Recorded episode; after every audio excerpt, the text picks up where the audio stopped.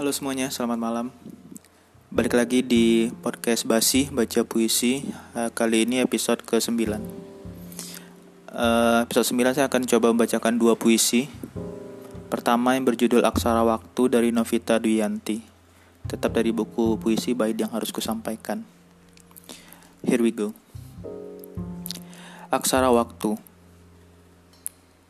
Sejatinya waktu tak pernah habis kita terlalu angkuh pada masa, termakan lenyap oleh perspektif buntu, salah kaprah, salah langkah. Walau rantai berbisik, angin hempaskan pasir, dan laut menyapu pelan bibir pantai. Pohon bakau harus tetap kukuh karena kita aksara waktu. Bayangan itu bercerita pada kita tentang kebohongan, tentang rasa salah. Kataku tidak hatimu akan berpuasa tanda setia. Hingga akhirnya kita berbaring di akar berlembar kertas. Kutitipkan sajak ini untuk kamu dari kata yang terbisik di hati, melalui untahan aksara yang kurangkai bersama waktu. Puisi kedua berjudul Akar dari Nurul Latifah.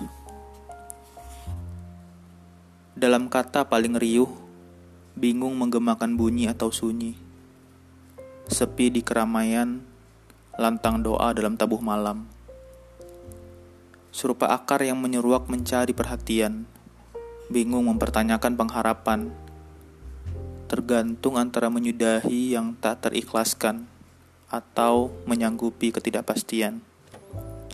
Mencintaimu ibarat menggenggam akar, ditarik paksa maka runtuh seluruhnya. Membiarkanmu begitu saja, nyatanya memenjarakanku dalam pertanyaan. Akankah bersua kembali atau tersudahi sejak hari kau pergi? Terima kasih udah mendengarkan Basi Basi episode ke-9. Keep baca puisi, tetap dengerin podcast Basi. Episode 9 out.